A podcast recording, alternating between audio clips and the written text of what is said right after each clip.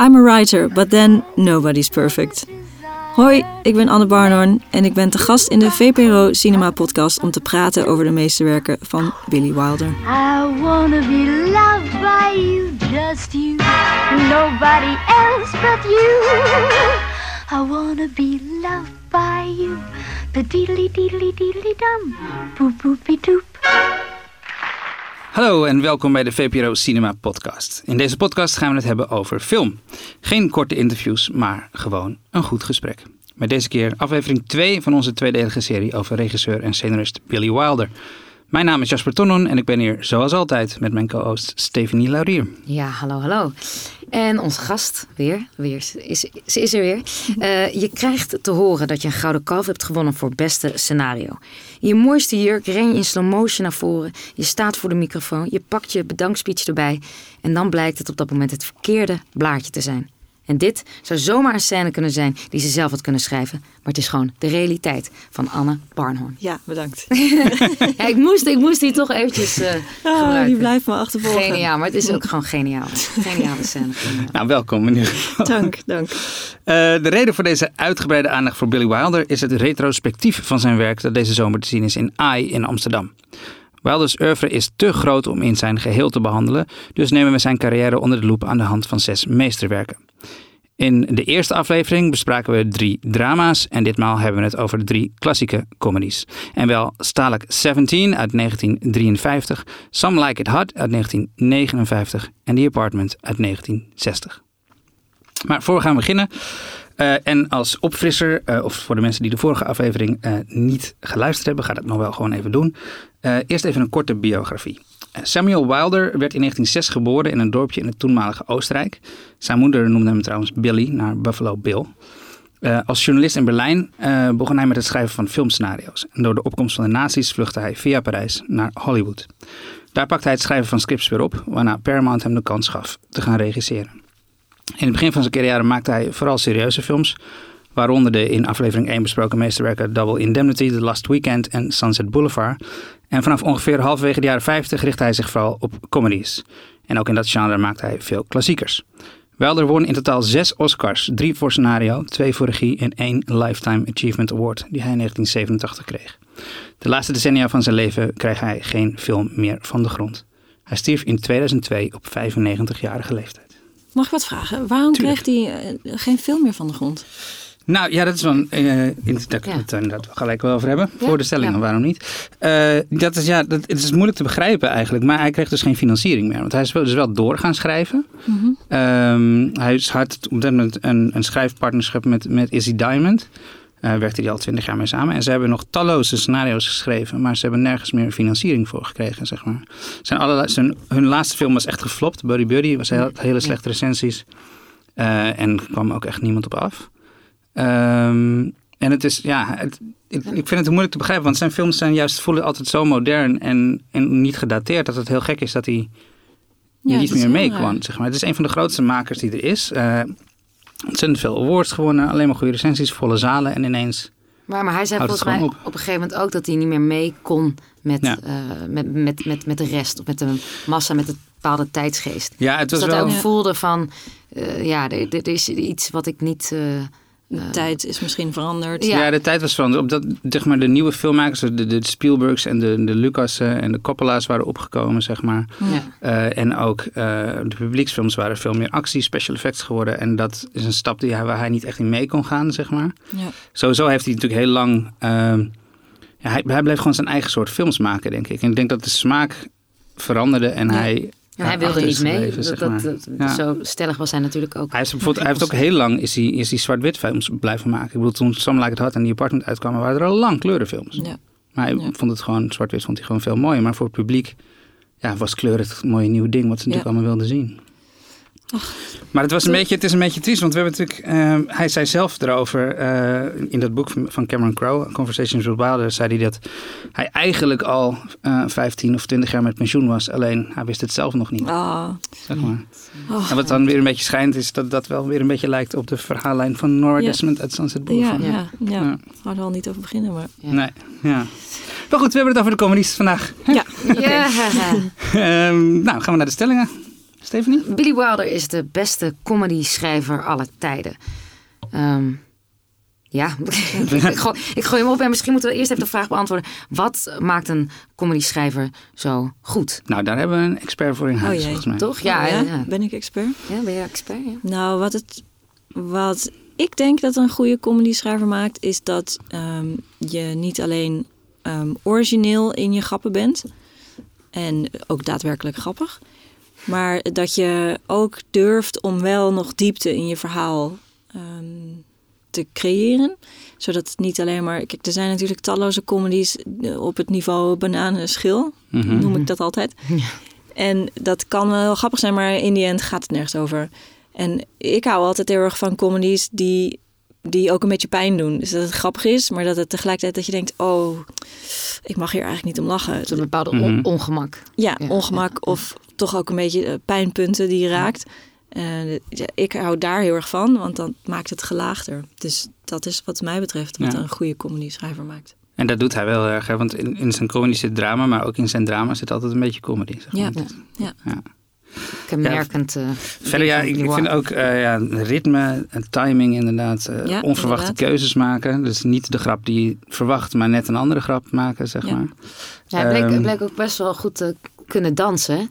Eh, ja, ja. ja, Hij- dus dat is ook hij wel... had ritmegevoel. Ja, ja, maar dat geloof ik echt hoor, dat dat best wel belangrijk is. Ik denk ook zeker met, met de humor timing zo belangrijk is. Ja.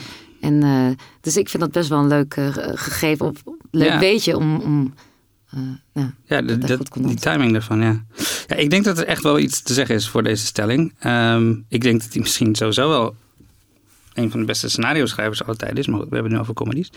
Ehm, ik ben, in, in wat de vorige aflevering hadden we ook even over, ik ben heel erg onder de indruk van die, van zijn, die precisie en die, die technische perfectie van zijn scripts. Het zit zo Mhm. perfect in elkaar. Elke zin is of een grap, of het is een dubbele betekenis, of het verwijst naar een andere zin uit de film of zo. Mhm. Er is niks overbodig. Alles heeft een functie, zeg maar.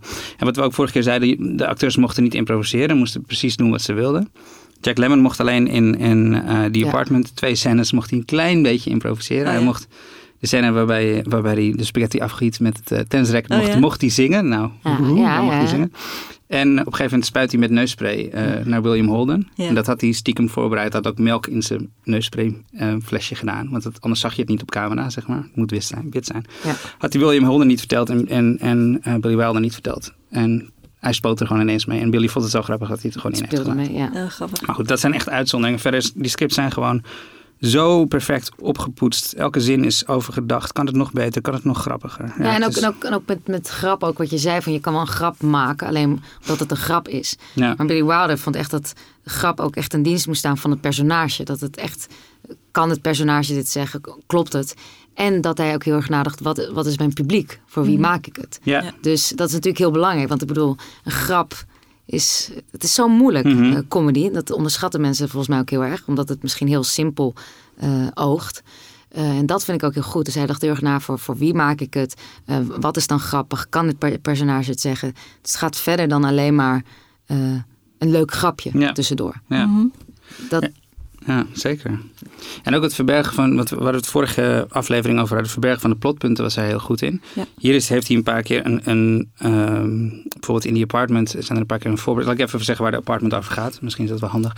Eh die apartment gaat, ehm, Jack Lemmon speelt daar de hoofdrol, eh, is een soort een office drone. Eh, in een heel groot kantoor is hij een nobody, maar de bazen van het, van het bedrijf gebruiken zijn appartement om affaires te hebben met hun liefjes, zodat hun vrouw er niet achter komt. En daardoor klimt hij steeds hoger eigenlijk eh, in de bedrijfsladder. En uiteindelijk komt er nog een hele liefdesgeschiedenis bij. Ehm, daar zit bijvoorbeeld in dat hij eh, dat, dat spiegeltje, dat gebroken spiegeltje, Ja. waarbij het plot, want hij is verliefd op het liftmeisje en door dat spiegeltje komt hij erachter eh, dat zij in zijn Ja. appartement met de grote baas is. Maar het moment dat het spiegeltje in eerste instantie gepresenteerd is, doet hij zo subtiel dat je niet weet dat, Ja. dat je voelt hem niet aankomen. Nee, zeg dat maar. klopt. Dat, kan Ja. hij- dat doet hij zo goed dat is, en zo dat sterk. is echt heel goed gedaan. Ja. Ja, en die scène is ook prachtig. Dat, ook omdat zij erbij is op het moment dat hij dat ziet. Dus je weet dat hij dat het begrijpt, maar hij kan het niet laten zien, want zij staat erbij. Mhm. En dan als allerergste wordt hij daarna ook nog gebeld door de grote baas om te vragen of hij die avond zijn appartement mag hebben. Ja, het is super, echt- super pijnlijk. Ja. Zo Dus dat, ja, dat verbergen van die plotpunten vind ik ook, doet hij heel erg sterk. Ook in In Some Like It Hot. Some Like It Hot is, eh, ik denk, zijn bekendste comedy. Eh, dat gaat over twee muzikanten die een moordpartij van de maffia eh, zien, daar getuigen van zijn en dus moeten vluchten. En daarom verkleden ze zich als vrouwen en gaan in een all-girl band spelen. En proberen zo dus Mhm. ja, weg te blijven uit de handen van de maffia. Dus het is een beetje een farce eigenlijk. Maar daar zit ook iets in, dat bijvoorbeeld dat ze als uh, Marilyn Monroe zit dan met Tony Curtis op het strand en is hij inmiddels verkleed als miljonair. Mhm.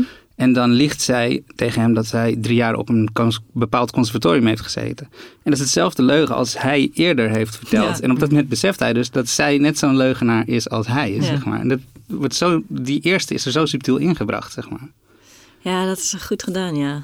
Het, Ja. eh, ik, wat ik ook heel leuk vond, is dat hij... eh, want ik, toen ik die film keek, dacht ik een beetje... Oeh, hoe gaan we hier eh, de man-vrouw verhouding wegzetten? Mhm. Maar vond ik dat hij daar heel leuk mee speelde en ook best wel modern in was. En eh, ik vond het ook heel leuk dat al die dames dan best wel van een borreltje hielden en zo. ja. Ja. Een beetje een soort van bad guys, maar dan bad girls waren. Dat vond ik goed gedaan. Ja. ja, zeker. Ja, Some Like It Hot zit echt wel in mijn top drie Ja. beste comedies Daar aller gaan we tijden. het denk zo ik. meteen ook Ja. Uitgebreid over Wat hebben. ik, wat ik ook nog goed daar vind, dat is wel een goed ding om eh, aan te geven hoe hij met dat ritme was, wat jij net zei. Mhm. Hij beseft zich ook heel goed dat het publiek tijd nodig had om te lachen, zeg maar. Dus hij, heeft, hij Oh ja. creëert ruimte tussen de grappen in, want anders lacht het publiek door de opzet, door de straight line heen van de volgende grap, zeg maar. En dat kan je heel goed zien in die scène waarbij eh, Jack Lemmon eh, aan Tony Curtis geniaal. vertelt dat hij Ja. verloofd is met Osgood. Wat natuurlijk niet Ja. kan, want Osgood is een man. Dus dat is een, het publiek vond dat een hilarische scène. Eh, en daarom heeft Jack Lemmon van die maracas, van die sambaballen in zijn Ja. hand. En na elke grap gaat hij er even mee spelen. En dat is alleen maar om ruimte te creëren en, en tempo en ritme aan het eh, Ja, script te geven. Dat was de enige aanwijzing ja, die Wilder gaf. Ja. Na elke zin moet je even bewegen Oh ja. met je Ja. sambaballen. Want de Heel muziek heeft tijd nodig om te lachen. Die sambaballen. Ja, maar, Ja. Wel, maar wel slim, ja. Want ik bedoel, bijvoorbeeld in, slim. in theater kan je natuurlijk wachten op Ja, een lach weet je of wat op applaus. En hier heeft hij dat Ja. zo slim. Ik vond het ook zo slim. Heel Ja. Goed. heel slim, ja. Ja, er zijn zelfs de mensen die er nog verder in gingen. De Marx Brothers bijvoorbeeld. Die gingen voordat ze een film gingen maken, gingen ze eerst hetzelfde script toeren in theaters. En dan timden ze op verschillende steden in Amerika. En dan timden ze hoe lang de lach overal duurde. En dan wisten ze exact hoe lang ze hem in hun film wilden hebben. Wauw. Ja. Hey, en en, eh, kunnen we Billy Wilder vergelijken met een andere regisseur? Je bedoelt, je kan alleen maar zeggen hij is de beste aller tijden als je een tegenargument kan, als je geen tegenargument kan bedenken, zeg maar. Ja. Ja. ja. Ehm, ja, ik, ik bedoel, hij is zo goed dat je, ik durf bijna niemand te noemen. Nee, dat snap ik. Ja. maar als we een paar namen moeten, ja, ik denk, ik bedoel, bekende mensen als, als John Hughes of Mel Brooks of zo, maar dat, dat haalt het lang niet. Het enige wat bij mij, wat ik, waar ik aan zou denken, is, is de Coen Brothers. Omdat die, eh, ten eerste maken ze ook niet alleen comedies, maar ook eh, drama's. En ze maken in alle tweede kanten meesterwerken. Mhm. Eh, ze hebben natuurlijk ook de Lady Killers gemaakt, laten we dat maar even vergeten. maar ze doen ook scenario en regie. En ja, The Big Lebowski staat denk ik ook in mijn top drie Ja, beste zeker. comedies aller tijden. Zeker. De derde is denk ik Dr. Strangelove trouwens. Ehm, maar ja, wint Oh Brother Where Art Thou en Hill Caesar dan ook van The Apartment of zo? Ja, Ja, dat het- denk ik toch niet. Je kan het bijna niet vergelijken, Nee. toch? Ik Nee. vind dat echt, dit soort stellingen zijn zo lastig. Ja, de beste, geen idee. De, het, je kan toch niet de comedies van nu vergelijken met de comedies van toen. Dat is, is al een heel andere tijdsgeest en alles. Kijk, nu heb je bijvoorbeeld, sommige mensen zullen zeggen... Jude Apatow is de beste comedy. eh, ja, die is, die is ook heel goed, maar Mhm. heel anders. Juist. Ja, en dat is het. meer van ja, nu. en, En, en dit is ook, beoordeel je dan een script of beoordeel je de film of zo? Want als je het over de sch- schrijver dat is ook hebt, nog wel een verschil. Ja, Ja. of, als, of schrijf wat je zegt. als Schrijven. Ik moest, ik moest eigenlijk meteen denken aan Woody Allen. Hm. Maar ook meer het, het personage. Ik vind Billy Wilder Ja. ook als een soort klein mannetje als personage al. Ja. eh, en, en zijn accent. En dat heb ik ook totaal met, met, met Woody Allen. Een soort klein gnoompje eh, die, die een beetje rondloopt. En zelf schrijft, regisseert. Daarin ook verschillende genres aantikt. Eh, voor de massa, maar ook hele Ja. artistieke films. Dus Maar het is ook smaak, toch? Totaal, totaal, maar Woody, maar dat Woody Allen trek ik echt zo niet. Ik echt verschrikkelijk. Ga met pensioen. Woody, als je luistert, doe het. Nou, dit, nou zie je, kan we wel gooien, dan komen we hierop. Nee, maar dat is meer de, mijn, mijn gedachte waar ik dan over moest Eh, maar inderdaad, het is appels en peren vergelijken. Ja. Ehm, Maar zou Woody Allen het winnen van jou? nee, nee, Voor nee, jou? nee, nee, Nee. nee, nee. Zeker niet naar deze opmerking. Durf je ik, niet zou, ik zou niet durven. Nee. Nee, ik heb het gevoel bij Woody Allen ook dat hij misschien minder in het script... Ik heb het gevoel dat hij ook heel veel gewoon improviseert op de set. Ja, hij was veel losser. Bedoel, Ja. Billy Wilder was natuurlijk heel erg eh, vast aan het script. En, en was daar veel meer per- perfectionist in. En Woody Allen was daar ja, Ja. wat, wat Die losser. liet Dus het ook meer qua, op de set ontstaan ja, ook, dus, zeg dus qua manier van werken is dat ook heel anders. Ja. Maar snap je misschien meer dan het figuurtje of zo? Daar Ja. moest ik dan Ja. meer denken. Ja, ik snap Zo het. twee rare kleine mannetjes. die dan zo'n beetje zo... Dat je ook wel denkt, misschien op een gegeven moment bij Billy Wilder. Ja, Het zou vast wel een het. pittig type geweest zijn. Deze... Billy Wilder, ja. Ja, zeker. Ja, absoluut, ja. Maar het was natuurlijk wel, want hij was, dat, dat, dat zeggen ze toch ook, van eh, heel cynisch of zo. Heeft bepaalde cynisme in, in zijn Zeker. werk. Maar in, in het sociaal had hij wel, hanteerde hij wel bepaald, be- bepaalde gedragscodes. Of hij had er wel eens iets van. Hoe bedoel je? eh, nou, dus hij was, hij was in die zin heel erg strikt in zijn werk. Mhm. Maar daarnaast was hij wel eh, een vrij. eh, Gewoon een- normaal- normaal, normaal persoon, met, ja. met, met fatsoen of zoiets. Ja, zeker. Dat, dat, dat wel. Of daar, ja, het is ook heel, Was veel, hij heel ook, veel eh, vrienden en heel sociaal en zo. Ja. Ja. Was hij een pittige regisseur op de set? Was, Ja. was hij eh, echt een zeker. dictator? Ja, ja, ja. Ja, volgens mij wel. Ja. Nou ja, in die zin dat je dus dat je niet van zijn scripts mocht afwijken al. Dat is natuurlijk alleen al. Eh, wat was er met Shirley? Shirley? MacLaine? Ja, maar Shirley MacLaine. Die twee die konden helemaal niet met elkaar overweg. Oké. Toch? Ik Of weet heb niet. of heb, ik het, of heb ik het nu fout? Toch? Dat zij ook eh, probeerde te, te improviseren. En eh, dat hij daar meteen, meteen niet. bovenop zat en zei van dit kan echt niet. En eh, nou, dat is helemaal uit de hand gelopen. Nee. Ja. Nou, hij heeft met, zeker ook later heeft hij best wel veel clashes gehad met, met, met acteurs, maar ook met, met andere schrijvers of zo. Of, hij, hij, hij moest echt iemand vinden waar hij goed mee kon samenwerken, zoals Jack Lemmon, Jack zoals Lemmon, William. Holden of zo. Ja. Eh, die kwamen er ook steeds terug. En ook zijn schrijfpartners blijven, dan he- blijven vaak heel lang bij hem. Of ze zijn na één film weer weg, dan weet je genoeg, zeg maar. Ehm, dus als hij iemand gevonden had, dan ging het heel goed. Maar je moest wel met hem weten hoe je met hem om moest gaan, denk, denk Ja. ik. Ja, en dat was natuurlijk ook de tijd ook met scripts. Op een gegeven moment werd het allemaal wat losser. Maar hij bleef gewoon vasthouden van zo moet het gaan. Ja. En dat trokken heel veel acteurs ook niet. Die zeiden van ja, kom op, eh, ik kan heus Ja. wel hier een beetje. Maar zei, nee, nee, nee, dat kan echt niet. Maar het is ook wel goed hoor, want Jack Lemmon, die, die in Some Like It Hot en die Apartment leef- leefde die soms, soms wat van zijn beste werk af. En de andere films waar hij echt vrij wordt gelaten, begint hij echt te schmieren, zeg maar. En wordt het soms Oh ja. niet, gaat, weet je, hij moet wel een beetje binnen de perken gehouden worden ook, zeg maar. Misschien niet zoveel als hier. Ja, het is een lastige discussie, want er is natuurlijk wel van alles voor te zeggen. Kijk maar naar het resultaat. Van als je zo Ja. vast staat aan het script, dan, dan lever je dus ook echt hele goede films af. Maar tegelijkertijd is film ook wel een proces van meerdere creatieven bij elkaar. En eh, moet je eh, een, bijvoorbeeld een cameraman ook Ja. gunnen om zijn talent op Mhm. tafel te kunnen leggen. Want het kan wel, eh, ja, als, als iedereen zijn talent meebrengt, dan gaat het wel optellen. Ja. Ja. Dus dat is wel een lastig, lastig Ah, ik denk dat hij ook wel luisterde naar andere mensen hoor. Maar dat, hij, dat doet hij, deed hij voor de opnames, zeg maar. Ja, Ja. En op een gegeven moment was hij zo. Ja. Ja. Wat ook nog wel grappig is, want hij, hij, hij wordt dus gezien als een van de beste scenario's schrijvers aller tijden met echt zijn eigen stem.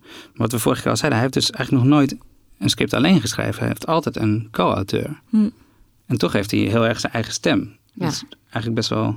Dat kan toch? Maar ik denk ook wel dat de mensen met wie hij schreef ook wel dienend waren in zijn Ja. hoofd. Dus dat waren toch altijd soort tegenpolen. Dus ook met eh Izzy Diamond dat ze ook zeiden van het was gewoon een, een, een bizar goed huwelijk tussen die twee. Ja, Het, het, eh, gewoon het tegenovergestelde van elkaar en daarom werkt het zo Ja. goed. Dus ik denk dat hij daarin gewoon best wel dwingend was in een manier hoe hij dat wilde. En dat iemand anders dat gewoon aanvulde. ja, dat zou heel goed En kunnen. dat, ja. dat is volgens mij... eh hij zocht volgens mij altijd een bepaalde spanning op. Ja. Ja, hij vertelt over Izzy Diamond ook inderdaad dat hij, hij kreeg ook weinig eh, lof van hem terug of zo. Want ze, ze, ze gooiden dan alle twee dingen op van is dit niks. En als, hij, als Billy Wilder iets eh, goeds had gedaan, dan het, het meest positieve wat hij Why- terugkreeg was... Ja, why not?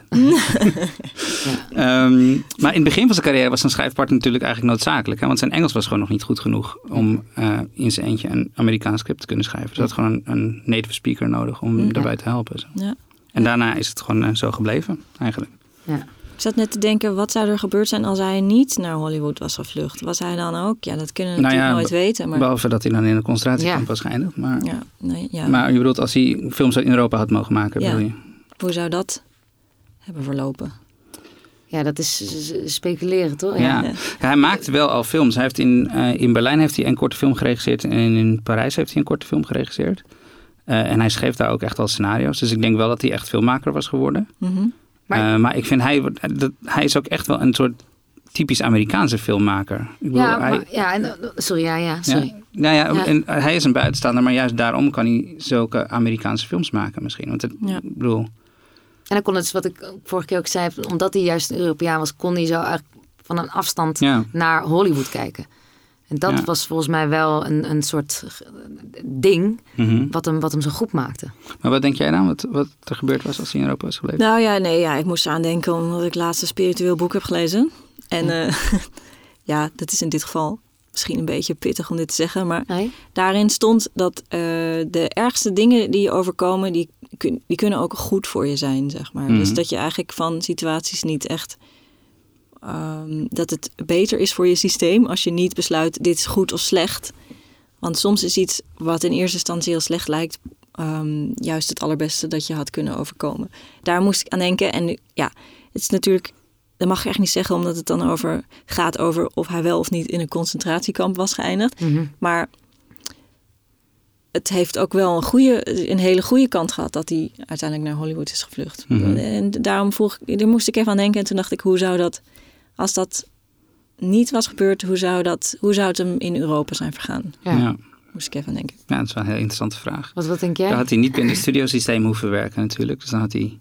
Nee, maar misschien is het studiosysteem juist ook wel heel goed voor Ja. geweest. Ja, dat denk ik. denk het ook, ja. Maar daar, daar gaan we ook. Ik, ik hou even iedereen hold. Daar gaan we het later ook nog meer toch over hebben. Is goed? Over de, over, ja, Ja, nee, ik hou het gewoon Ja, een, beetje, een beetje strak. eh Ja, goed. Heel goed. bij, toch? Nou, dan denk ik... eh, nou, we, zijn, we kunnen het eigenlijk dus niet zeggen. De beste comedy schrijver aller tijden. Ik denk dat het in ieder geval heel erg in de buurt komt, toch? Ja, Ja, en ook. Ja, ja, ja. Of het misschien gewoon is. Misschien. Het is, het is toch even te doordrukken. Ehm, Het American Film Institute verkoos Some Like It Hot in 2000 tot beste comedy aller tijden. Maar The Apartment is eigenlijk beter. dat is de stelling. Juist, dat is de stelling. Bam! Oeh, Zal ik beginnen anders? Dan kun je Oké, even, ja, begin maar. even denken. Maar. Ja, heel hard nadenken. Eh, nou ja, zoals ik net al zei, ehm, is Some Like It Hot is dus in, zit in mijn top 3 van comedies aller tijden. Dus ehm, wat ik daar vind is redelijk duidelijk. Het is wat we net zeiden, een perfect scenario, maar het is ook echt een perfect uitgevoerde comedy. Het tempo, de grappen, de karakters. Eigenlijk, eh, ja, alles is goed. En die, die slotzin is natuurlijk eh, geniaal. Hè? Ehm, en de grappigste slotzin aller tijden, Nobody's Perfect. Wat trouwens een tijdelijke oplossing was. Ze waren eigenlijk helemaal niet tevreden met die, met die zin. Ze wilden eigenlijk iets anders, maar dat stond er maar eventjes tot ze iets beters bedacht hadden. echt waar? En dat zit uiteindelijk gewoon in de film. Maar ik vind dat die ik vond wat vooral heel erg goed werkt eigenlijk door de cast. Het is zo goed gecast. Ze hebben de populairste, op dat moment de populairste en meest aantrekkelijke leading man van Hollywood met Tony Curtis. Dat is de handsomest kid in town, werd hij genoemd. Met Jack Lemmon hebben ze het grootste komische talent. En ze hebben het grootste sekssymbool, Marilyn Monroe. Ja. En de Spanish zijn alle drie in absolute topvorm in deze film. En dat zie je gewoon in elke scène. Want het energie, en- en de energie en het plezier spat echt van het doek af, zeg maar. En dat, ja, dat vind ik de film Ja, en, Ja, gewoon heel en, erg maken. En natuurlijk ook weer in die tijd. Een, een film maken, twee mannen die zich gaan verkleden als vrouwen. Ik bedoel, ja, we praten er gewoon eventjes over. Ja, maar dat is in die tijd natuurlijk absurd. Wat, wat, wat doe je? En dat, dat is, en op een gegeven moment vroeg hij natuurlijk ook zijn acteurs van... eh, Mhm. nou, ik ga dus een film maken en eh, eigenlijk speel je de hele tijd een vrouw. Dat is natuurlijk krankzinnig voor woorden. Ja. En toch heeft hij het aangedurfd. Dat, dat is... En daarna is het, eh, zijn mensen het blijven maken, dat Ja. soort films. Maar, Ja, ja. ja. ja, het was wel een remake trouwens. hè. Het was een remake van Ja. een, Duitse film en dat was weer een remake van een Franse film. Maar dat waren twee hele slechte films. Bill, zei Billy Wilder zelf. Mhm. Oh ja, Eh, wat grappig. Nou, Dus toen deden ze ook al remakes. ja, Geinig. ze deden toen al remakes. Ja, vooral vooral omdat heel veel eh, oudere films natuurlijk eh, stille films waren, stomme films waren. Dus die wilden ze met taal dan remaken vaak. Of in dit geval gewoon een Amerikaanse versie van maken. Hm. Maar het, het, het is echt alleen maar het basisprincipe hoor, wat, waar het op geïnspireerd is, zeg maar. Oké. Nou, ik heb er even over nagedacht. Je hebt erover nagedacht. Mhm. Goed. En eh, ik ben het met je eens. Ik vond uh, Some Like It Hot veel ehm, frisser, origineler. Nou, ik vond die apartment ook origineel, maar ik vond die apartment duurde mij te lang. En ehm Some Like It Hot zat een veel fijnere energie in, vond ik. En ik vond de dialogen echt waanzinnig. Mhm. Mhm. Zo grappig en Ja. met zoveel dubbele, eh, dubbele lagen erin. En ik vond dat inderdaad dat iedereen heel goed speelde. Dus ja, ik ben het ermee eens. Oké. En Steve? Ja, oké, dan ben ik het natuurlijk niet mee eens. Nee, ik, ik, ik vind het wel lastig, want ik was wel echt wel fan van, van, van allebei. Ja, ik ook. Eh, dus ik, ik vind het. eh, ja, om dan meteen. Ja, dus ik ben er misschien niet zo. Nee, ik ben het ook nog... Eh, snap je? Ik was ook nog niet helemaal klaar hoor. Ik weet ook niet of ik... Dus ik vind allebei eh, valt er iets voor, voor te zeggen. Ik denk dat Sam Lijkt had was voor, de, voor, groot publiek, voor de massa. Volgens mij natuurlijk een enorm, ook die apartment. Mhm. Eh, dus ik vind het lastig. Mhm. ik, ik vind ze allebei wel heel goed. Wilder zegt trouwens, die zei volgens mij, die apartment, daar zit een bepaalde perfectie in. Maar Sam It Hot werd zo goed en zo succesvol ontvangen. Dus ja, die Ja. heeft eigenlijk ook, die zit ook een beetje in een soort dubio wat, eh, wat hij nou de, de beste Ja. vindt. En hij zei eigenlijk dat, wat, als, het, als er dan werd gevraagd, wat is je beste film? Dan zei, het, zei hij altijd, de volgende. Ja. Maar goed, Ja, ja. ja. ja. Goed. Ja, ik vind ook, want die apartment, eh, ik denk dat we straks nog eventjes leuke anekdotes Ja, over ja, deze ja. films moeten gaan eh, doen. nog- Maar om even de, de- over, Ja. over de stelling nog in te gaan. Die apartment eh, vind ik ook echt ontzettend goed. Het, heeft, het scenario is ook perfect. Jack Lemmon is weer in topvorm. Shirley MacLaine speelt de sterren van de hemel.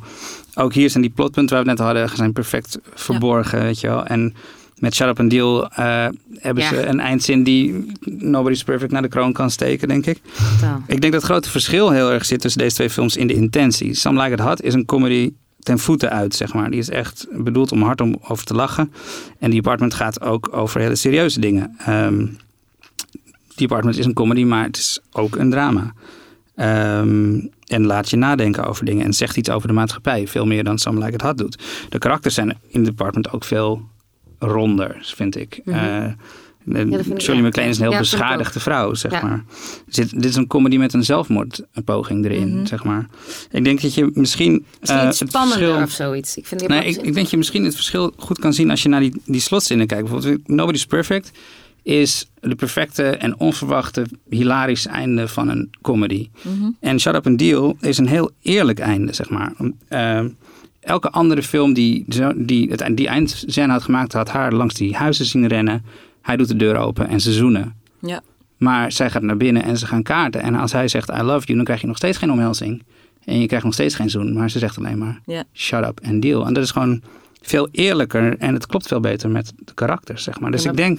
Maar ik- bij Nobody's Perfect is toch ook de eindzin die je niet eh, verwacht? Ja, het is wel wat je niet verwacht, maar het is alleen maar een grap. En dit is een, iets wat heel erg klopt voor de karakters. Snap je wat ik bedoel? Ja. Ik denk eigenlijk, wat ik eigenlijk wil zeggen, denk ik, is dat Some, Like It Hot is denk ik een betere comedy. En The Apartment is een betere film. Ja, daar ben ik het wel mee ja, eens. Ja, Ja. ja. Ja. daar ben ik het ook mee Ja. eens. Nou, mooi. Zijn we daaruit?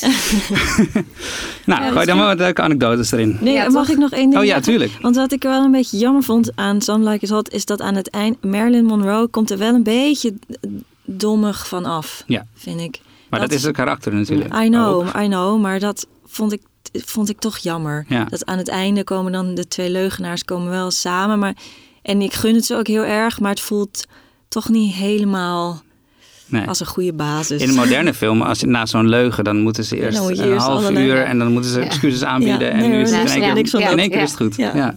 Ja. Nou ja. Ja, dit, is ook een, kan ook een sterke keuze zijn natuurlijk. Want dat, nou, toen had je dat nog niet vaak gezien. Maar dat zijn juist de romantische comedies waarvan je van tevoren precies weet hoe het gaat eindigen. Precies, ja, dat is ook zo. Maar ik- mijn feministische hartje, Ja, Ja. ja, ja, ik dacht ja. toch... Ja. nou. Ja, zeker. Dat gaat, die- dat, eh, ik heb exact hetzelfde hoor. Maar ja, Ja, maar goed. Ja. Ze- zij werd natuurlijk ook wel, wat je zegt, haar rol ja. was zo. Dus dan... Alle Ja. twee die films ma- ma- maken ook van dit soort stappen. Want bijvoorbeeld ehm, elke andere film zou in Some Like Hot ook een scène hebben waarbij de mannen zich verkleden als vrouw. En eh, aan het oefenen zijn met hakken. Maar ze knippen in één keer klap en ze zijn vrouw. Zeg maar. En die apartment begint terwijl de hele situatie al uit de hand gelopen is. Ze slaan de hele setup over. Zeg maar. Dus het is zijn allemaal van die ja, fijne, moderne keuzes. zeg Ja. maar. Maar Marilyn Monroe die, Ja. eh, was niet bepaald een makkelijke actrice om mee te werken. Nee, totaal. En het blijkt dus ook dat ze zwanger was eh Ja, ze was tijdens zwanger, de ja. opnames. Dus dat was ook een heel ding. Dus ze moesten kostuums aanpassen. Eh, ja. En ook wat je zei in het begin. ehm het was eigenlijk de bedoeling ook om deze film in kleur te Ja. filmen. Maar omdat die mannen natuurlijk werden, eh, nou ja, make-up en alles, kwamen ze erachter dat er een soort bepaalde groene tint over de, eh, op, op beeld kwam. Dus daardoor waren ze, moesten ze wel in de zwart en Oh, wit gaan. eh. Grappig. Oh ja, wat ik begrepen had, was dat het, dat het excuus was wat hij tegen Marilyn Monroe vertelde. Want Marilyn Monroe had namelijk in, een contract, in haar contract staan dat al haar films in kleur moesten zijn. Ja, En volgens mij, wat ik begreep is dat Billy Wilder gewoon heel graag zwart-wit Oh ja? wilde schieten. En dat hij haar heeft verteld dat moet wel, want anders zijn die mannen veel te duidelijk in drag. Als we het in kleur doen, is het veel te duidelijk. Dus we moeten het wel zwart-wit Ah, doen. ja. En dat ze toen dachten, oké, nou vooruit dan. maar ik vond het, dus, vond het best wel een... eh, ik, ik geloof het wel. Dat ik dacht, oh ja, ik Ja. kan me wel... kan me ook wel voorstellen. voorstellen. Maar ja, zijn dat volgende film een jaar later maakt hij ook weer zwart-wit. Ja, dat dus het heeft toch echt wel zijn artistieke voorkeur ook. Nou ja, ze komt er eh, prima vanaf in zwart-wit. Ja. Niks te Ja, klagen me. Maar ja, zij, zij was natuurlijk... te- Ze kwam natuurlijk te laat. Veel te Ja, laat. Ze, En- kwam vaak, ze moest om negen uur komen en dan was er om twee uur 's middags. Ja, dan zei ze, I'm sorry, I lost Oh, uh, my way to the studio. Terwijl, hallo, je komt hier al zeven jaar zo. Wat, Ja. wat, wat is het probleem? En het, de opnames, het duurde Ja. allemaal. Het kon Ja, het- ze kreeg de simpelste zinnetjes niet, eh, Ja. zinnetjes niet in één keer. Ze heeft over, eh, haar karakter heet Sugar. Mhm. En ze moest alleen maar zeggen, it's me Sugar. Daar had ze 47 takes voor nodig om die erop is te hebben. En de bekendste is Where's the Bourbon, moet ze op een gegeven moment zeggen. Ze is op zoek naar, naar de whisky in, in, het, in, in, in een hotelkamer. Ze moet alleen maar binnenkomen lopen, la opentroeken, trekken, zeggen Where's the Bourbon. Kreeg ze er gewoon niet uit. Ze zei whisky of ze zei rum of ze haalde de woorden door elkaar. Op een gegeven moment, na take 30 of zo, heeft Billy Wilder in de la de zin laten printen, zeg maar. Ja, is- De volgende take trekt ze de verkeerde la open. Oh nee. Dus dan heeft hij een Laat allerlaatste zin laten printen. En gaan elke la, en uiteindelijk heeft hij, hebben ze 59 takes nodig gehad Dat ben je om erop te hebben. Maar uiteindelijk in de film, eh, als je die zin ziet, staat ze met de rug naar de camera. Ja. Dus het kan ook heel goed zijn dat ze hem gewoon nooit gekregen hebben. En dat ze het gewoon dat ze later opgegeven hebben. Zeg maar. En wat ik nog wel mooi typerend vond, was dat ehm, rond take 50... dat Billy Wilder naar haar toe is gegaan om haar een beetje gerust te stellen. Van, het is niet zo erg. En toen zei, zei hij dus tegen haar, don't worry about it, Marilyn. Toen zei Marilyn, worry about what? Ongelooflijk. Ja, totaal. Het is Maar- ook heftig natuurlijk voor die tegenspelers. Hij zei ook van ja, Ja. jullie moeten gewoon elke keer zo goed mogelijk spelen. Want als hij hem één keertje goed heeft, Ja. dan is dat hem. Ja, Maar is het- voor Tony Curtis die, die was dat heel lastig. Want zijn performance is natuurlijk na, na take 50 lang niet meer de performance Ja. die je bij take 10 had gehad. Maar is dit hoe zij was? Of was ze al in een soort van staat van... Nee, dit is volgens mij wel een beetje hoe ze was. Maar hij zei ook aan de andere kant dat die scène eh, op het strand, wat gewoon drie pagina's tekst was, dat stond er dan weer in één keer op. Ja, ze, ze was gewoon, denk ik, gewoon leefde in haar eigen hoofd, in haar eigen wereld. En het, het ging volgens mij ook niet Ze helemaal... had ook veel persoonlijke problemen. Volgens mij, dit was in de tijd, dit was in de tijd dat ze met Kennedy ging, Ja. volgens mij. Het, het was... Dus Ja. haar hoofd was er ook niet altijd helemaal bij misschien. Hij zei, Billy Wilder zei dat het werken met Marilyn Monroe was als tanden trekken. Ja. Maar dat als het er dan eenmaal op stond, dan gaf ze iets wat niemand anders je kon geven, zeg Ja. maar. In haar charme en uitstraling. Ja, het is gewoon ongelooflijk op, op beeld. Ja. Dat spatte natuurlijk Ja. zo helemaal vanaf. En echt een fijn lichaam. Wat je nu niet meer Nee. ziet op beeld. Nee. En Nee. wat zo jammer is. Ja. ja inderdaad. Ja. En misschien toch ook even de scène hebben over de, de, de trein die eh, naar haar... eh, Het had natuurlijk, we kennen natuurlijk allemaal de legendarische scène met haar rok die omhoog zwiept. In de Seven De- Year Itch is Ja. dat, Ja, ja. ja de, de, hè, de geniale scène. Dus we hadden gedacht van ja, er moet wel nog zoiets komen of zoiets. Dus op een gegeven moment heb je de scène dat Marilyn dan langs een trein loopt. Hij dacht van ja, er moet nog iets, er moet nog iets bij. Dus hij ging even overleggen met haar. En op een gegeven moment loopt ze weer langs die trein. En eh, die trein gaat, die, die blaast één keer allemaal stoom uit. En toen zei hij, zo hard is het dus. Weet je, dat zelfs de trein het niet aan kan. Ja. Dat vond ik wel een goeie. Dat is wel een goeie, Dan ben je echt heel hard. Weet je, echt. Oh my god, the Ja. pressure. Ja. Ja. Maar ze sprankelt wel echt onwijs in deze film. Alle drie vind ik Nou, dat is dan toch wel absurd. Weet Ja. je? Want hij is dan zo precies Ja, in, in, in alles. Eh, en dan bij haar pikt hij het dan allemaal. Omdat als Ja. het dan eenmaal goed heeft, dan... dan heb je iets wat je, anders je- niet kan ja. krijgen. Gewoon. Nou, dat is volgens mij voor Billy Wilder Ja. ook wel eh, Fascinerend. fascinerend, ja. Ja, nou, dat Leuk, was de stelling Leuk, wel, hè? een beetje. Oh. Wat, en wat was de stelling dan? Eh, zijn we het conclusie? Ja, nou ja, mijn conclusie is dus inderdaad... Sam Hot is een betere comedy, maar The Apartment is een betere film. Oh ja, dat was hem. Ja, dat was dat hem. is- Ja, even goed halen. Ja. Nou, de derde en laatste stelling van deze uitzending dan. Ja, Billy Wilder maakte films voor de massa, waardoor hij nooit het allerbeste uit zichzelf heeft gehaald. Wow, wat is dit nou? Wat zijn dit voor moeilijke... Moeilijke ja, het is, eh, het, is niet, het is niet niks. Ehm, Oké, zal ik je weer even na- nadenken eh, tijd geven? Eh, Ehm, ja. Ja, ten eerste ehm, denk ik, hij heeft zoveel goede films gemaakt. Hoeveel beter had het nog moeten worden? zeg maar. Ja, ja. Ik bedoel, was Samuel het wat beter geworden als het voor een kleiner publiek was geweest? Ik denk het niet.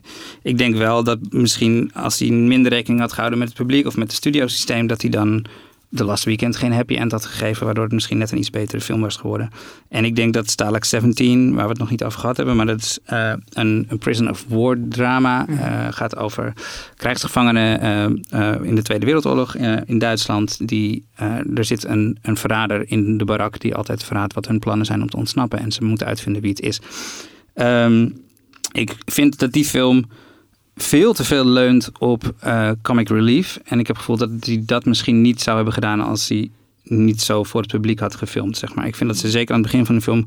Er is een, een komisch duo, Animal en Shapiro. En de film eh, gaat heel erg opzichtig. Gebruikt die twee om lucht in het eh, scenario te krijgen.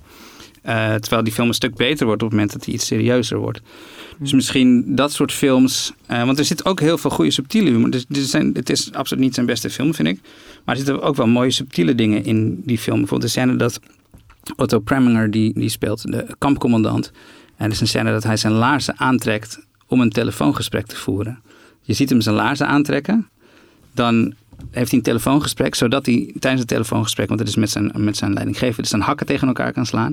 En zodra hij stopt met bellen, trekt hij zijn laarzen weer uit. Er wordt verder niks over gezegd. En dat is gewoon een hele mooie, subtiele Ja, grap. dat is wel een mooi detail. Maar dat, ja, de, de- hoe er in de rest van de film is, zit er juist hele, niet grove humor, maar er wordt grof mee omgesprongen, zeg maar, met de humor. Maar dit is tegelijkertijd ook wel een van zijn weinige films waarvan wij deze mening hebben, toch? Ja, absoluut. Zit allemaal... Maar misschien moet je het omdraaien. Het is toch juist heel bijzonder dat hij zoveel publieksfilms heeft weten te maken die daadwerkelijk ergens over gaan. Dat is toch fantastisch? Ja. Dat zou toch, Ja, dat zou zeker. toch nog veel meer zo moeten gaan? Ja, ja. En hij, en hij wilde ook maken voor de normale mens. En dat is volgens mij juist voor de, het, ge- het gewone volk. Dus Ja. voor de grote massa. En niet omdat het moest, maar omdat hij dat zelf eh, wilde. ja, ik denk dat, gewoon, dat zijn smaak ook gewoon in lijn lag met die van het publiek, zeg maar. Maar wat hij maakte is eigenlijk precies wat wij nu in Nederland super graag willen maken en maar niet van de grond krijgen. Namelijk een soort crossover film die wel toegankelijk is voor het grote publiek en ook nog een soort van Ja, inhoud heeft. Ja. ja, ja. Ja. ja, Het is het ideale genre, Ja. vind ik. ja, nee, absoluut. Ja. En, en hij werkt natuurlijk ook in het studiosysteem... waarin hij zich toch moest houden aan, aan de regels. Hebben we daar iets over verteld? Die Hays Code. Ja, de, en hij werkte dus ook in, in de tijd van de censuur. De Hays Code, ehm, zo heette dat. Dat is eigenlijk eh, de filmmaatschappijen die zichzelf censuur oplegden. En dat deden ze om eh, de overheid voor te zijn, zeg maar. Dus voordat de overheid de censuur op zou gaan leggen, doen ze het zelf. Ehm, de Hays Code was dus een commissie die eh, allemaal regels heeft opgesteld wat je wel en niet mag laten zien. Dus natuurlijk geen naakt, geen schelden, geen moord. Maar ook bijvoorbeeld dingen als bijvoorbeeld double, double indemnity Ja. mocht niet gemaakt worden omdat dat de mening van het publiek over moord zou kunnen veranderen of zo. Ja. Er waren hele strikte regels. Ehm, en eh, dat was natuurlijk ontzettend beperkend. En dat studiosysteem was ook heel erg beperkend. Maar zoals jullie als kunstenaars waarschijnlijk wel hebben meegemaakt, is dat beperking vaak creativiteit geeft. Ja, en dat, dat merk je juist bij hem. Ja. Ik vind juist, volgens mij heeft dat ook heel erg geholpen. Ja. Want van die beperking heeft ook zijn kracht gemaakt. Want niemand durft het aan om, om die film te maken. En hij werd daardoor juist getriggerd van, ja, ik, ik wil dat juist dan wel doen. Ja. En ik denk dat dat hem nog groter heeft gemaakt in risico's nemen op een hele creatieve manier. Eh, dat in beeld proberen te Ja. brengen. Ja, want inderdaad, het is, want sommige films, kijk, Sam Like It Hot heeft hij gewoon gemaakt en gezegd, Ja. lak, lak aan de Hays Code. Maar eerdere films moest hij wel gewoon door die censuur heen. En bijvoorbeeld in, in Double Indemnity, waar, het, Indemnity, waar we het vorige aflevering over gehad hebben, die, die scène waar de moord in is en, en de camera blijft op haar, dat is eigenlijk gewoon omdat hij die moord niet mag laten zien. Ja. Ja, Maar het is wel de mooiste ja, scène uit de film. Ja. Dus die dat- censuur, die, die Juist. laat hem creatieve oplossingen zoeken. Zeg Ja, maar. dus dat vind ik heel. Ik weet niet hoe het bij jou zit. maar Ik heb dat ook wel als, als dan iets. Ik vind het altijd heel fijn om. Als je een bepaald kader hebt, om dan te kijken hoe ver je daar eh, in kunt gaan of zoiets. Ja, het is best wel moeilijk om alle vrijheid te hebben. Want als alles Ja. kan, wat kies je dan? Ja, En ik hou ook altijd wel van beperkingen. En beperkingen zijn er altijd. Kaders geven vrijheid, toch? Zeggen ze. Mm. Ja, Ja. maar ik denk dat Ja. Billy Wilder heeft eh, eh, eh, alle hoeken van het eh, Hollywood-systeem heeft hij verkend en omgedraaid en er zijn, zijn voordeel eruit gehaald. Dus in die zin denk ik dat, dat die dat die beperking misschien juist wel Ja. heel goed Mhm. is geweest. Juist, Ja. ja. dat denk ik ook. Ja. En Some Like It Hot heeft dus die, die, die Hays Code uiteindelijk een beetje om zeep geholpen. Ja. Eigenlijk. Want je kon eigenlijk, als je niet door de commissie heen kwam, kon je film wel uitbrengen, maar dan was het eigenlijk gedoemd te mislukken. Ehm, en It Hot kwam daar uiteraard niet doorheen. En toen stond Billy Wilder hem op om gewoon even goed uit te brengen. En die film werd zo'n succes, Ja. dat daarmee eigenlijk de hele Hays Code een beetje achterhaald was. Maar dat is toch zo knap als je dan zo tegen zo'n heel soort instituut er tegenin gaat. Ja. In die tijd. Dan, dan, heb je Dat echt, dan heb je echt lef. Maar hij was ook echt heel groot. Ja, ja, maar dan, dan, Ja. dan nog. Ik vind dat echt wel. Ja, maar ik bedoel ook aan het begin. Hij heeft altijd. Is hij gewoon een soort stick to your own plan. Hij heeft Ja. altijd bij zijn. Hij doet geen concessies. Juist, Ja. en, dat, en dat zie ik ook veel, ook om me heen. Toch makers, filmmakers die dan toch eh, concessies doen. Ja, En dat, hij was concessieloos. En dat vind ik heel inspirerend. Zeker, ja zeker. absoluut. Ja. En eh, ja. Het kan twee kanten op gaan. Hè? Je kan concessieloos zijn en dan volledig de afgrond instorten met al je mm, strikte regels die je voor jezelf vasthoudt. Of je doorbreekt eh, Ja. alle vastgeroeste Ja. ideeën. Maar is dat dan waarom het uiteindelijk dan mislukt is? Dat hij te veel heeft vastgehouden en dat het uiteindelijk mislukt is dat de rest van zijn carrière geen films meer, aan het einde van zijn carrière geen films meer kon maken? Dat hij geen concessies wilde doen? Ja, misschien. dat Zoiets kan wel. natuurlijk ook tegen je keren. Iets Ja. wat in eerste instantie je kracht is, kan ook ehm, je vijand worden. En toen waren die beperkingen weg natuurlijk, want het studiosysteem was weg en de Hays Code was weg. Ja, maar het is denk ik ook een kwestie van tijd en tijdsgeest Ja. en ouder worden en ja, toch Ja. niet meer up-to-date zijn. over, over, over ouder worden of over. Hij had ook een goede quote. Film maken is een donkere kamer binnen stommelen, zei hij. De een struikelt direct over elk meubelstuk en breekt zijn benen. De ander ziet scherper in het donker. Maar ook die scherpe blik verwijdert met de, verdwijnt met de jaren. Ja. Dat vond Ja. ik ook wel een goeie. Ja. Hij- Dus hij geeft het ook wel toe. Ja. Op een gegeven Ja. moment hij het verloor. Het scherper er gewoon af Ja, was. Ja. Ja. Ja, het is jammer. Die- Een van zijn laatste, wat hij nog heel graag had willen maken, eh, was Schindler's List. Die had hij heel graag willen maken. Ja. En hij heeft ook echt geprobeerd de rechten ervoor te krijgen. Maar Spielberg was hem voor en hij, heeft nog, hij is nog naar Spielberg toegegaan om te onderhandelen. Maar ja, die wilde hem gewoon heel graag zelf maken. Eh, en dat was, de, dat was wel, zegt hij zelf, dat was mijn meest persoonlijke film geworden. Zeg maar. Omdat het Ja. natuurlijk heel veel met zijn verleden te maken heeft. Zijn moeder die in de concentratiekamp is overleden.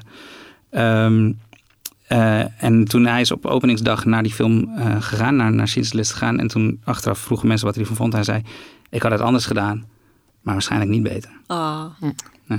Ja, dat is wel... eh, Ja, ik vind het wel jammer hoor dat, dat hij de laatste jaren geen, eh, niet, niet zoveel films meer heeft kunnen maken. Want ik had best nog wel een moderne Billy Wilder willen zien. Zeker. of zo. Ja, maar misschien was, dat, Ja, was, dat dan niet gelukt. Nee, Dus ik denk soms ook, misschien is hij dan net te lang doorgegaan. Soms moet je ook gewoon stoppen op een Ja. bepaald hoogtepunt. ja, Eh, en ik vind het eigenlijk wel typerend voor hem dat hij dan toch toegeeft van... ja, Ja, ik word er gewoon ouder en ik verlies iets. Ik Ja. heb het een beetje Ja. verloren op een gegeven moment. Maar dat zegt niks over zijn gele oeuvre, want dat Nee. staat als een huis. En dat is nog steeds...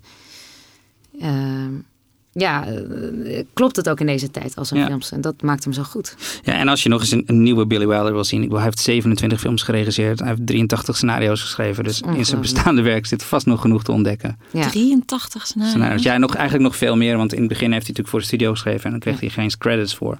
Ja. Maar hij heeft 83 credits op zijn naam staan als scenario schrijver. Wauw. Je mag wel een beetje doorschrijven. Ja. mag je wel. Dus eh, er is nog genoeg te ontdekken in zijn oeuvre, denk ik. Ja. Ja. Eh, dat was het denk ik voor deze ja, aflevering. volgens mij ook, ja. We gaan eh, naar jouw filmmuziek. Wat heb je deze keer Oh, voor ja. ons meegenomen? Ja, eh, ik heb meegenomen het nummer More Than This van Roxy Music uit de film Lost in Translation. Ehm, fantastische film, dat sowieso. Maar Mhm. wat ik zo mooi vind is dat eh, deze muziek zit onder een moment dat ze karaoke gaan zingen. Eh, de twee Oh, hoofd- ja, hoofdpersonages. En ehm, dat is zo'n mooi moment. Dat is eigenlijk het, voor mij het moment waarop ze allebei beseffen in wat voor dat ze in een bubbel zitten en dat ze nu even super gelukkig zijn met elkaar en met de situatie waarin ze zitten. Daar in ehm, Japan. Ja. Maar dat die bubbel, eh, ja, is een bubbel. En dat het, het, het is een moment op zich en dat zal nooit duren. Dat is eindig. Hm. En eh, die gelukzaligheid en melancholie tegelijkertijd, eigenlijk het vooruitlopen op de melancholie over dat moment zit in deze muziek. dat vind ik heel mooi. En ehm, dat vond ik al heel mooi. Maar toen had ik zelf ook een keer zo'n soort moment. Een bubbel. En toen draaiden ze ook dit nummer. Ja. En toen werd het een favoriet. ja, Mm. dat snap ik. Mooi. Oké. Nou, daar gaan we zo naar luisteren. Bedankt voor het, eh, voor het komen. Mensen Ja, kunnen jou, jouw column lezen eh, elke twee weken, geloof ik. Ja, elke twee we om de twee weken in het Parool op de woensdag. En moeten we nog lang wachten op je volgende film? Ja, ik vrees het wel. Maar gelukkig komen er nog wel eh, series en zo eerder uit. Ah, Oké, Leuk. leuk. Nou, bedankt. Ehm, bedankt. Dat was het voor deze aflevering. Luister vooral ook nog deel 1 van deze podcast over de drama's. Die is gewoon terug te luisteren in je podcast-app. Eh, of eh, op vpro.nl slash cinemapodcast. Daar vind je ook alle andere informatie over onze podcast. Laat een recensie voor ons achter op iTunes. Vinden we altijd heel erg fijn. En voor feedback, vragen, suggesties en al die dingen... kan je zoals altijd mailen naar cinemapodcast.vpro.nl. Tot volgende keer. Ciao.